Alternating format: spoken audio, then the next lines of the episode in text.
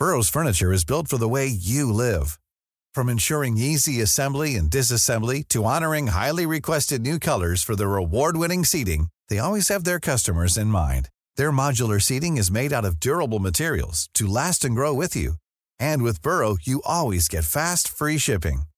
Get up to 60% off during Burrow's Memorial Day sale at burrow.com slash ACAST. That's burrow.com slash ACAST. burrow.com slash ACAST. It's that time of the year. Your vacation is coming up. You can already hear the beach waves, feel the warm breeze, relax, and think about work. You really, really want it all to work out while you're away. Monday.com gives you and the team that peace of mind. When all work is on one platform and everyone's in sync, things just flow wherever you are. Tap the banner to go to Monday.com. Since 2013, Bombas has donated over 100 million socks, underwear, and t shirts to those facing homelessness. If we counted those on air, this ad would last over 1,157 days. But if we counted the time it takes to make a donation possible, it would take just a few clicks. Because every time you make a purchase, Bombas donates an item to someone who needs it.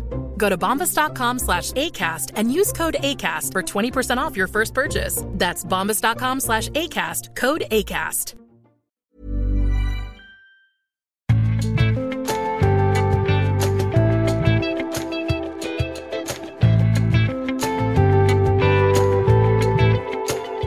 Hvordan står det til med lidenskapen i norsk misjon? Velkommen til Tore og Tarjei, en podkast fra dagen.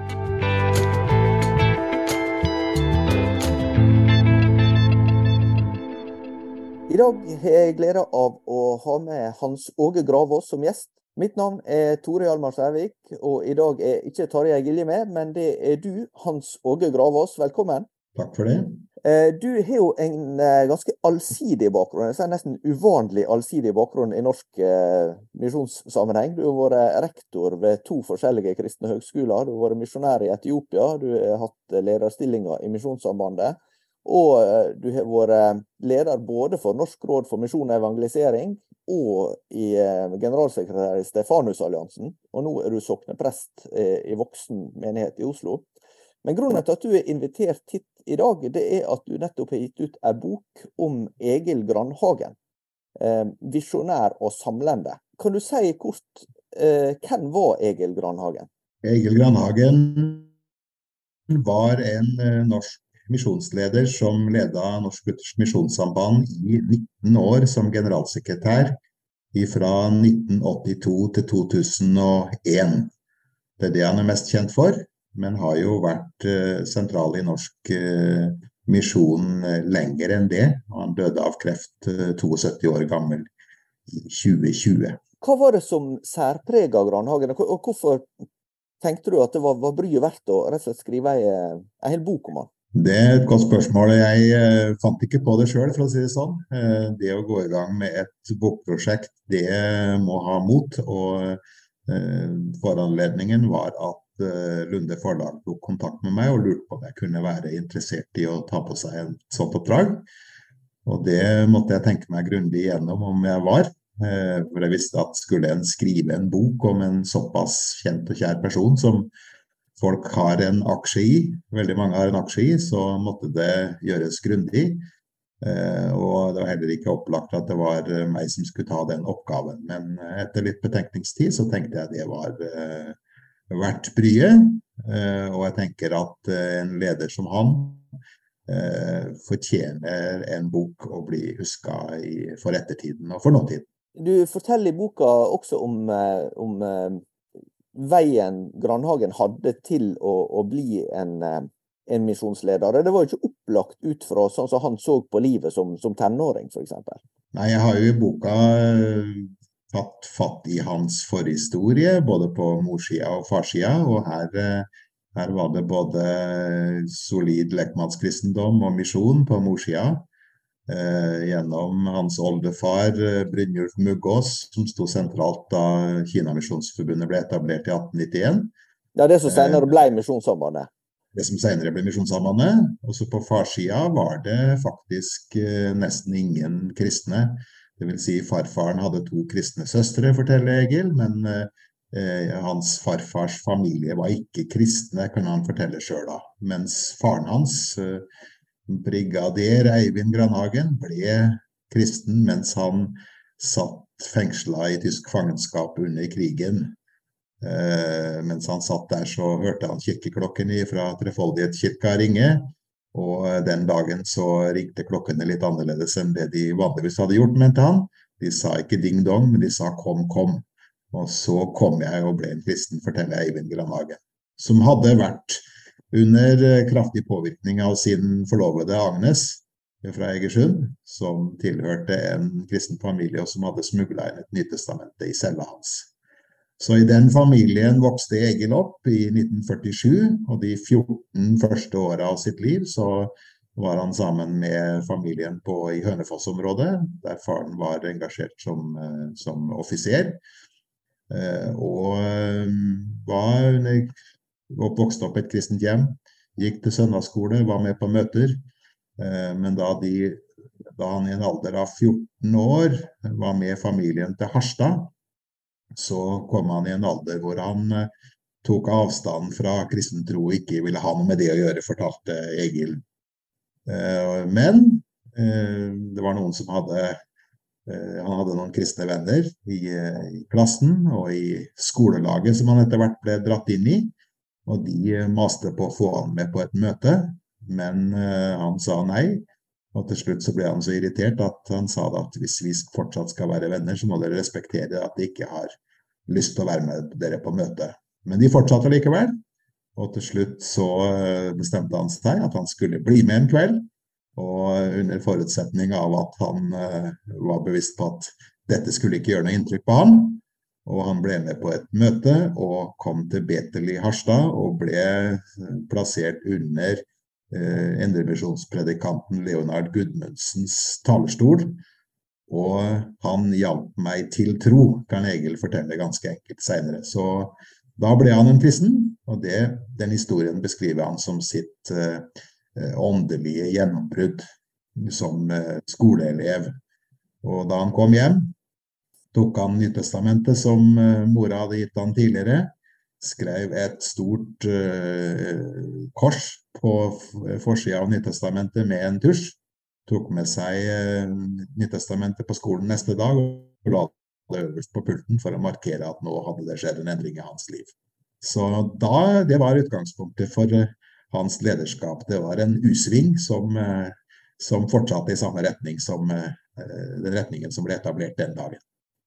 Jeg tenker Før vi går videre på det, så er det kanskje greit å avklare for uh, lyttere som måtte tenke at navnet Grandhagen høres litt kjent ut, men de forbinder det med noe annet enn misjon. Og så sa du noe om militæret, uh, for han hadde jo en bror. Ja.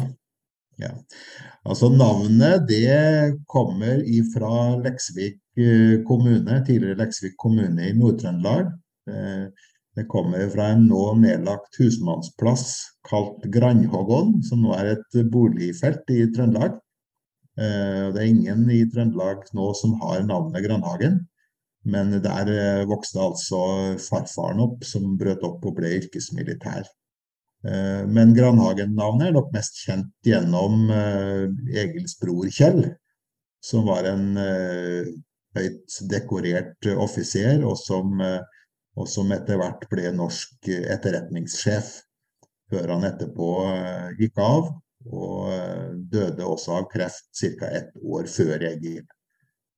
Men eh, Kjell, broren, var jo da sju år yngre enn storebror Egil.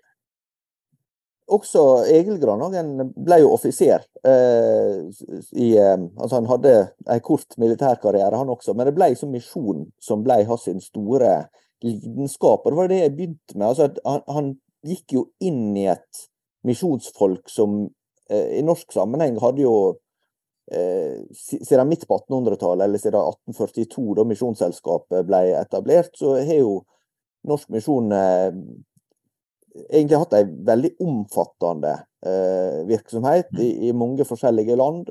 Eh, og samtidig så, så kommer han inn i et misjonsfolk som er nødt til å omstille seg. Mm. Eh, eh, ikke minst i Misjonssambandet ble jeg nødt til det. Kan du si noe om, om, om, og også at en, en, internasjonalt var i en situasjon der den misjonen kanskje virka til å være litt på hell, at, at vestlig misjon hadde gjort sitt. Mm. Kan, kan, du si noe om hva situasjonen Grandhagen kommer inn i? Det var veldig naturlig for han å engasjere seg i Kinamisjonen, for det var jo der eh, både oldeforeldre og besteforeldre og foreldre ble engasjert i etter hvert. Så at han tilhørte der, var ganske naturlig. Og han var ikke mer Han ble ferdig som teologistudent, ferdig utdanna som 25-åring. Og som 25-åring så ble han headhunta av daværende heimesekretær Steinar Hunstad til å bli assisterende heimesekretær, som han, som han var en kort periode. Før de ble utfordra på en oppgave ved Soltun soldatheim i Troms. Men han var da, eh, var da 29 år da han ble kalt til assisterende heimesekretær på nytt. Deretter assisterende generalsekretær i eh, noen år, før han ble eh, NLMs toppleder som 35-åring i 1982.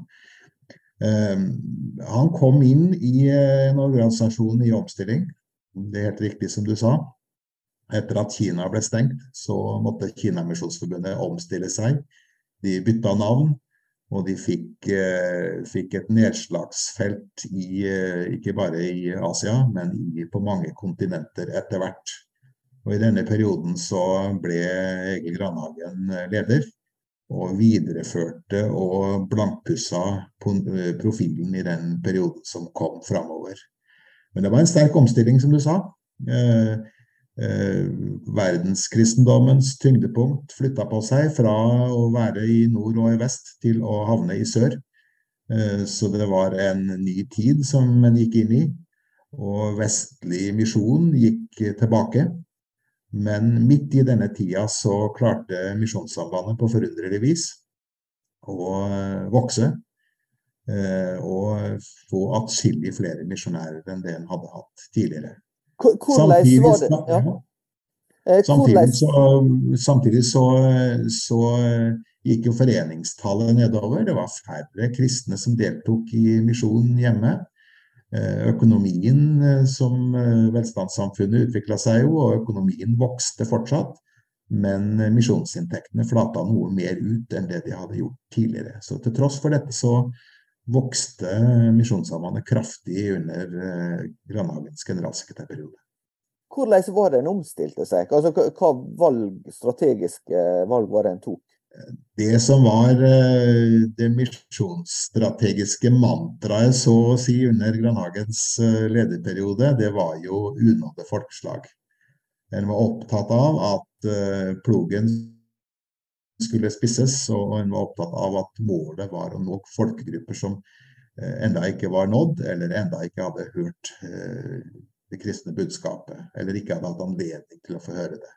Så hele hans periode var opptatt av akkurat det, og det gjaldt på eh, eksisterende misjonsfelt hvor en alt var.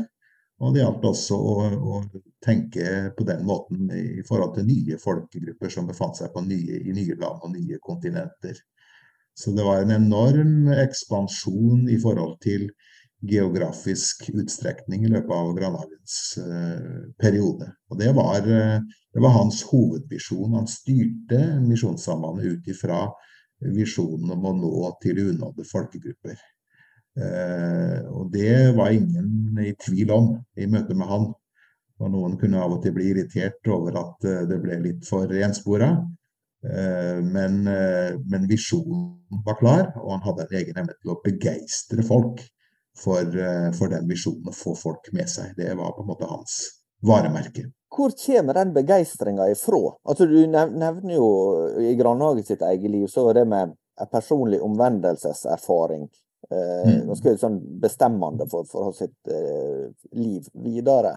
Men, men har du ja. gjort deg noen mer tanker om det, både med han og det misjonsfolket? Hva, hva er det som gjorde at de var så lidenskapelige? Det er egentlig ganske tankevekkende, det spørsmålet. For at eh, Misjonssambandet er jo en organisasjon som etter hvert har blitt noen år. Men i løpet av de mange åra så har jo, har jo Misjonssambandet egentlig hatt få generalsekretærer. Det er vel ingen organisasjon nærmest som har hatt så lang tjenestetid på de generalsekretærene som har vært opp gjennom årene. Eh, noen av dem var misjonærer, andre var det ikke. Og eh, Grandhagen ble aldri misjonær eller ytremisjonær sjøl noen gang. Men til tross for det så hadde han et ytremisjonsfokus som kanskje gikk uten, utenpå de aller fleste av de andre, til tross for det. Så jeg tenker det er to ting. For det første så tror jeg han hadde en, hadde en en eh, omvendelseserfaring eh, som var ganske dramatisk. Han, han fikk eh, oppleve at troen på Jesus Kristus var noe som, som ga en ny retning i hans ny, liv, og ny, en ny plattform i hans liv. Og Det var ikke bare omvendelseserfaringen i Harstad, men han var en ivrig bibelstudent, for å si det på den måten. Han granska skriftene, satt eh, flere timer på bønnerommet på Menighetsfakultetet i Oslo mens han var student, og var opptatt av at teologi var noe annet enn en akademisk øvelse. Men det handla om livet, det handla om kallet, det handla om livsretningen.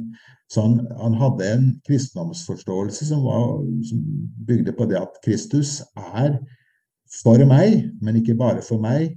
Han er for alle. Så selve evangelieforståelsen rommet en, en, en misjonsvisjon. Eh, så, så, det, så det lå, et, lå et forkynnerkall og en kristen overbevisning bak hans engasjement. Og så var, ble han jo omgitt av meget kloke, erfarne ledere, vil jeg si, som headhunta han i ung alder, og som ga han ansvar.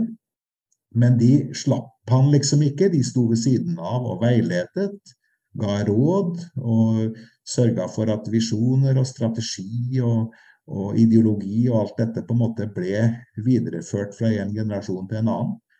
Eh, og daværende hovedstyreformann Tore Tungland, som var den som formidla kallet til å bli generalsekretær for han, han hadde da alliert seg med Eh, Ludvig Hopes svigersønn Gabriel Eikli, som på mange måter var Misjonssambandets utenriksminister på den tida, som var en glødende misjonær som hadde vært i både Manchuria og Japan.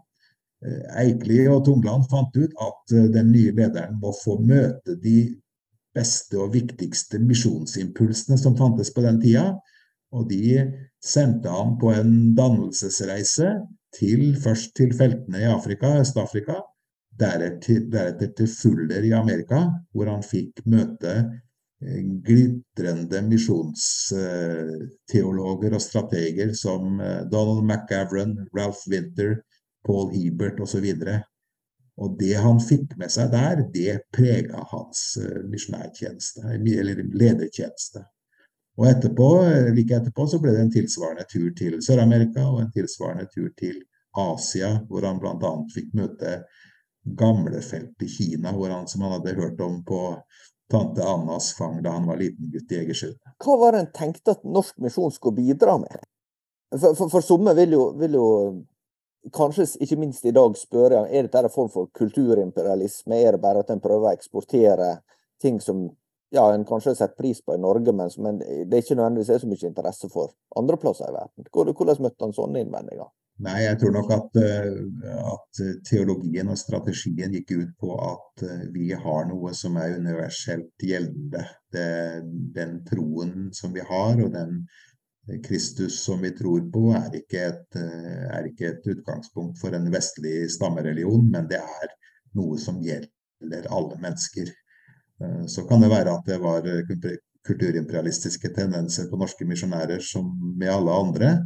Men eh, for Grandhagens vedkommende, og det lærte han ganske tidlig, at kristen tro må eh, på en måte møte lokal kultur og må presenteres i en form og på en måte som gjør at den skaper mening hos de menneskene en møter, eh, uansett hvor det måtte være en i verden, og, og vise respekt overfor de menneskene han møtte.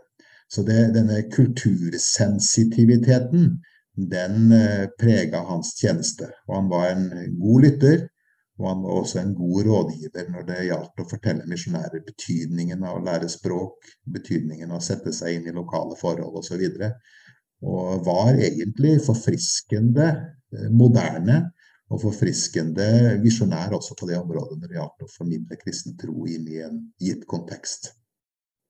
Eh, du skriver også om at eh, Granhagen mot slutten av livet, da han, han og kona flytta til, til ja, i nærheten av Gjøvik, Søndre Land, der de kjøpte en, et gårdsbruk, så, så innreda han også et kapell der han drev tidebønn. Eh, som er jo mm. noe som kanskje mange forbinder med høgkirkelighet eller katolisisme. Mm. Eh. Hvordan eh, tenkte Grandhagen om forholdet mellom ja, bedehuskristendommen sin frie form og, og, og, det med å, å, hente inn andre impulser fra andre kristne tradisjoner?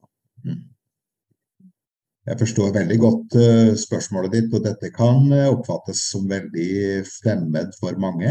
Du kan uh, godt si det sånn at at lekmannsbevegelsen er kjent for sin, eh, fri, sine frie bønneformer, vant med vitnemøter og vant med at vi alle kan henvende oss til eh, den ene mellom mann mellom Gud og mennesker, fritt, uten noen andre mellommenn. Og vi kan be når som helst og hvor som helst. Og det prega jo også Egil Grandhagens liv.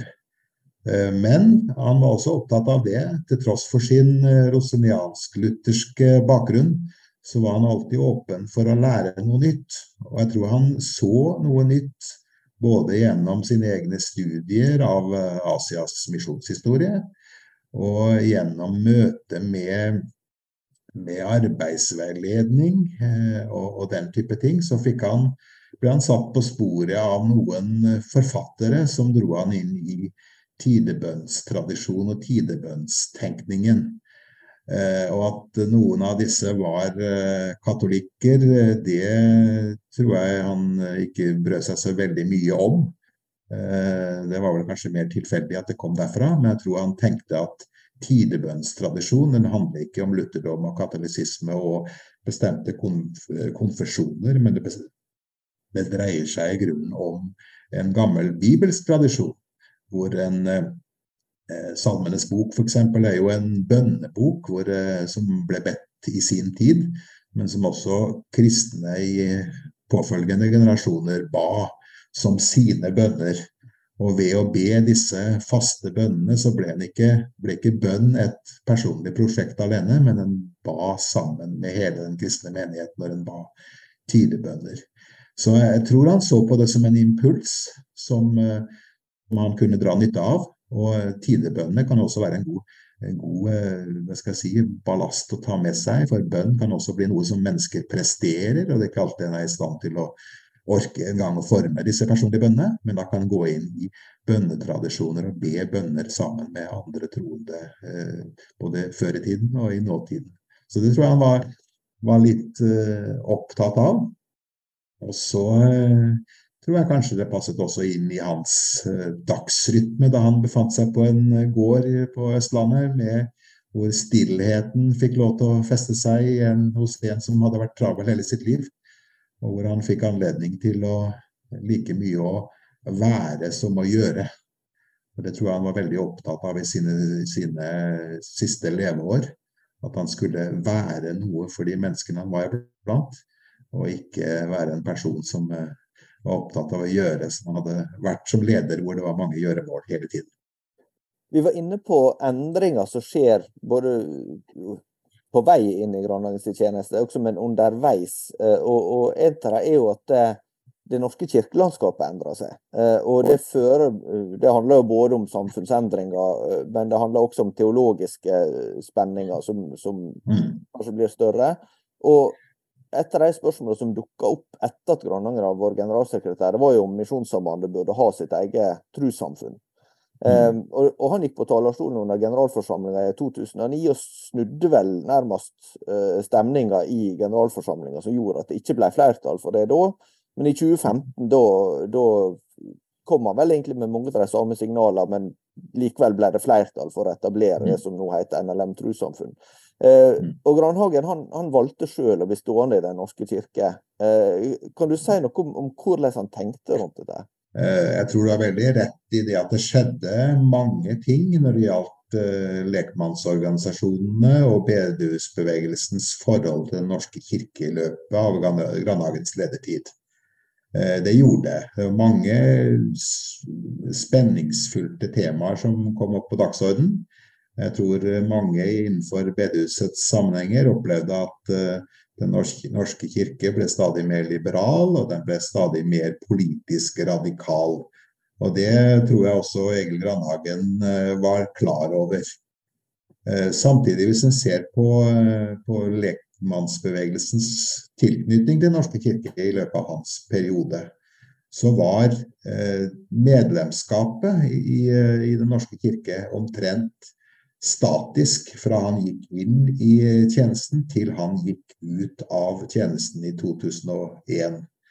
Så det var faktisk 86-87 medlemmer, altså 86-87 norske befolkning som var medlemmer av Den norske kirke i løpet av hele hans lederperiode. Nå skal ikke han ha æren for det, men, men det sier litt om hvor, hvor, tett også lekmannsbevegelsen forholdt seg til Den norske kirke gjennom hele hans ledertid. Så skjedde det dramatiske endringer, og nå er vi jo under 70 67-68 eller hva det er. Så det har jo skjedd dramatiske endringer. Og om det Eh, skyldes eh, lederskap i misjonen, det er jeg ikke så sikker på. Eh, det kan nok skyldes like mye demografiske endringer, innvandring, økt folketall og mange ting som gjør at det har blitt som det har blitt.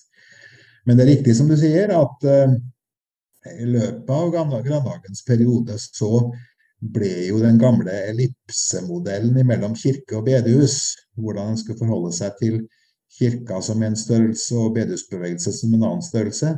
Ja, for da var det gjerne bed, eh, kirka på formiddag og bedehus på kvelden? ikke sant? Helt riktig. Det var, det var, mange, særlig på landsbygda og særlig i eh, øst i landet og andre steder enn langs bibelbeltet, så gikk folk eh, ofte på, i kirka på søndag formiddag og på bedehuset om kvelden og ellers i uka. Sånn eh, foregikk det ganske ofte.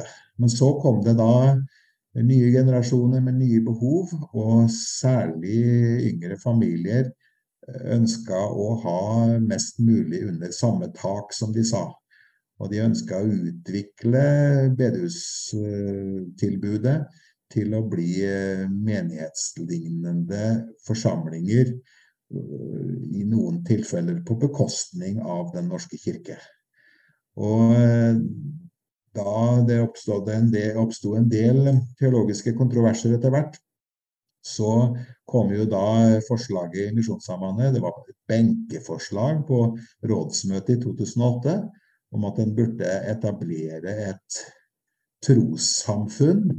Ikke det at Misjonssambandet skulle bli et trossamfunn, men at Misjonssambandet etablerte et et trossamfunn for de NLM-medlemmer som ikke fant det naturlig å være medlem av Den norske kirke lenger. Altså en, eh, så å si en sidevogn på motorsykkelen hvor noen kunne hoppe oppi og, og være en del av. Og det var i den forbindelse at eh, Grandhagen på et 1. mai-møte på, på Tryggheim i Nærbø i 2009 sto fram og advarte mot at det skulle skje, for han mente at dette var det første steget imot en frikirkelighet, eller en kirkeliggjøring av Misjonssambandet, eh, som ville ha den effekt at det dreide misjonens fokus fra de unådde folkeslag og misjonsoppdraget eh, altså vekk, vekk, fra det. Og han advarte mot det, og fikk eh, gjennomslag for, for det på generalforsamlinga, som du nevnte i 2009. Eh, så det, det, skjedde da, og egentlig på tvers av det både hovedstyret og, og eh, hans etterfølgende leder eh, hadde anbefalt. Så ble det da et, gjort et vedtak som mange oppfatta som et utsettelsesvedtak, og i hvert fall så kom det opp igjen i 2015. Men da hadde det skjedd en del ting, og du har helt rett i at han anførte stort sett de samme argumentene, men fikk ikke gjennomslag i 2015, og dermed så så et trossamfunn, NLM trossamfunn eh, dagens lys. Eh, når du har jobba såpass mye med Hass sitt liv, så, så har du kanskje gjort deg litt tanker også om, om veien videre for, for Misjonssambandet og for, for, andre norske eh, misjonsorganisasjoner. For det, der er jo flere av dem som, som eh, ja, sånn som du nevner med foreningskristendommen sin tilbakegang, og kanskje endra, demografi og endra teologiske mm. tyngdepunkter, som trenger å eh, mm. Gjerne en enda ny omstilling, sammenlignet med den som mm. Grandhagen måtte gå inn i. Hva refleksjoner har du gjort deg om det? Med, altså, hvordan ser framtida til norsk misjon ut? Ja, det er et veldig krevende spørsmål som jeg ikke har noen som helst fasitsvar på. Eh, det er klart det kan gå i bølger. Det som er viktig i en tid, kan bli mindre viktig i en annen tid. Og Det som jeg er veldig opptatt av i dag, det er i hvert fall at eh, misjonsoppdraget er like viktig som det var tidligere. Men det må tilpasses en ny tid.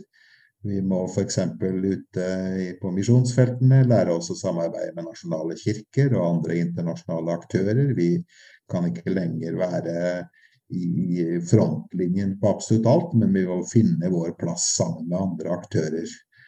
Og i Norge så hadde vi jo en, eh, som du alltid har vært inne på, en, en bevegelse som har gått i en større kirkeliggjøring av ikke bare Misjonssambandet, men av Bedehus-Norge.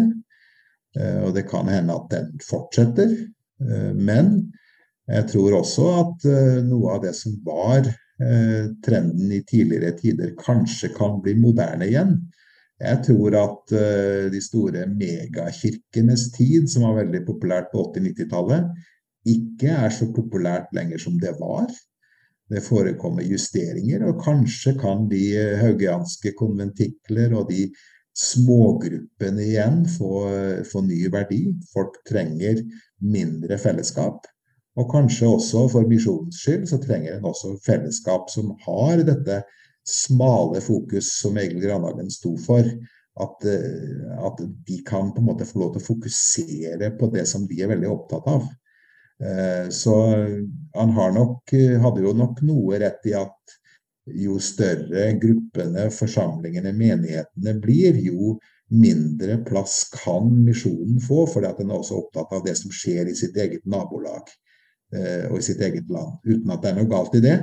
Men, eh, men eh, alle disse foreningene og gruppene som ble til i kjølvannet av opphevelsen av konvektikkelplakaten og 1814 og demokratiseringen av Norge, de hadde, som, hadde sine særegne mål. Vi hadde sanitetsforeninger, vi hadde avholdslag, målgrupper, politiske partier. De jobba for bestemte formål. Og det var i den eh, konteksten at Misjonsforeningen og misjonsorganisasjonene ble til. Så, så det, er litt, det, er en utfordring da for den, eh, i møte med den nye tid å eh, la den yngre generasjonen forstå at organisasjonene ble til med et bestemt formål. Så eh, ofte så skjer det endringer uten at en har tenkt igjennom konsekvensen av de endringene som faktisk skjer. Og Det gjelder ikke bare Misjonssambandet, det gjelder alle, alle misjonslag i verden. Eh, hva er, har du lært fra Grandang i sitt liv når det gjelder det å skape lidenskap for misjon? Hva, tenker du er det som, som eh, ja, kan være aktuelt også for, for, mennesker som leser og hører det i dag? Jeg tror det, det handler jo selvfølgelig om eh, den verden en lever i. Det er klart Han kan ikke ha æren for absolutt alt av misjonsentusiasme som skjedde i hans tid. Han kom inn i en organisasjon som var, allerede var entusiastisk, og som han gjorde enda mer entusiastisk etter hvert som, som tida gikk. Så, så, det skal han eh, ikke ha all æren for. Men han hadde en egen evne til å nærmest gjøre verdenskartet til noe oppbyggelig. Han tok med seg verdenskartet på kontoret overfor kollegene sine på hovedstyremøtet. Tok med seg bilder og plansjer og kart på bedehusmøter og fortalte om de ulike folkegruppene som fortsatt ikke var nådd, på en sånn måte at folk skjønte at disse må også få lov til å høre evangeliet. Så det, Den entusiasmen hadde han en egen evne til å, til å bære med seg, og det tror jeg faktisk også er mulig å gjøre i vår tid. Eh, det som eh, kan være utfordringen i vår tid, det er nok det at eh, en har beveget seg inn i landområder og blant folkegrupper som, hvor det er vanskelig å drive kristen misjon. En kan ikke snakke høyt om det. Og når en leser 80-tallets og 90-tallets utgaver av Misjonsbladet Utsyn, så ser en det at det nesten ikke var noen ting en ikke kunne snakke om når det gjaldt arbeidet en drev ute. All informasjon var tilgjengelig Misjonærer grep til pennen og skrev eh, heftige rapporter fra sine arbeidsoppgaver. Eh, de kom hjem og brukte prekestolen til å snakke åpent om det de hadde opplevd. Mens en i dag må på en måte filtrere informasjonen mer, og det kan være en utfordring. Eh, det er et ordtak som heter at du blir ikke heit av det du ikke veit. Og det tror jeg kanskje er et kommunikativt problem når det gjelder misjon i dag. En får liksom ikke anledning til å snakke om det og skape den begeistring som en, som en eh, veldig ofte er avhengig av for å kunne opprettholde en, et momentum når det gjelder misjon. Takk skal du ha, Hans eh, Åge Gravås. Boka er altså 'Egil Granhagen visjonær og samlende'. Vi høres igjen neste uke.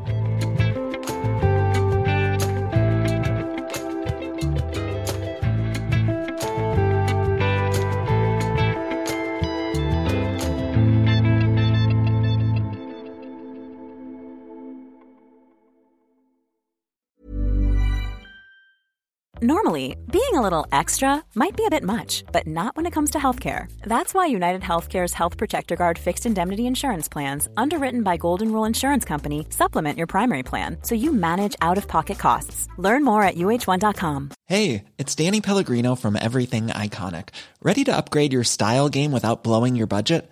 Check out Quince. They've got all the good stuff shirts and polos, activewear, and fine leather goods all at 50 to 80% less than other high-end brands. And the best part? They're all about safe, ethical, and responsible manufacturing. Get that luxury vibe without the luxury price tag. Hit up quince.com slash upgrade for free shipping and 365-day returns on your next order. That's quince.com slash upgrade. When you make decisions for your company, you look for the no-brainers. And if you have a lot of mailing to do, stamps.com is the ultimate no-brainer. It streamlines your processes to make your business more efficient, which makes you less busy. Mail checks, invoices, legal documents, and everything you need to keep your business running with Stamps.com. Seamlessly connect with every major marketplace and shopping cart. Schedule package pickups and see your cheapest and fastest shipping options from different carriers. With rates up to 89% off USPS and UPS rates. And with the Stamps.com mobile app you can take care of mailing and shipping wherever you are. Make the same no-brainer decision as over 1 million other businesses with stamps.com. Sign up with code program for a 4-week trial plus free postage and a free digital scale. No long-term commitments or contracts. That's stamps.com. Code program.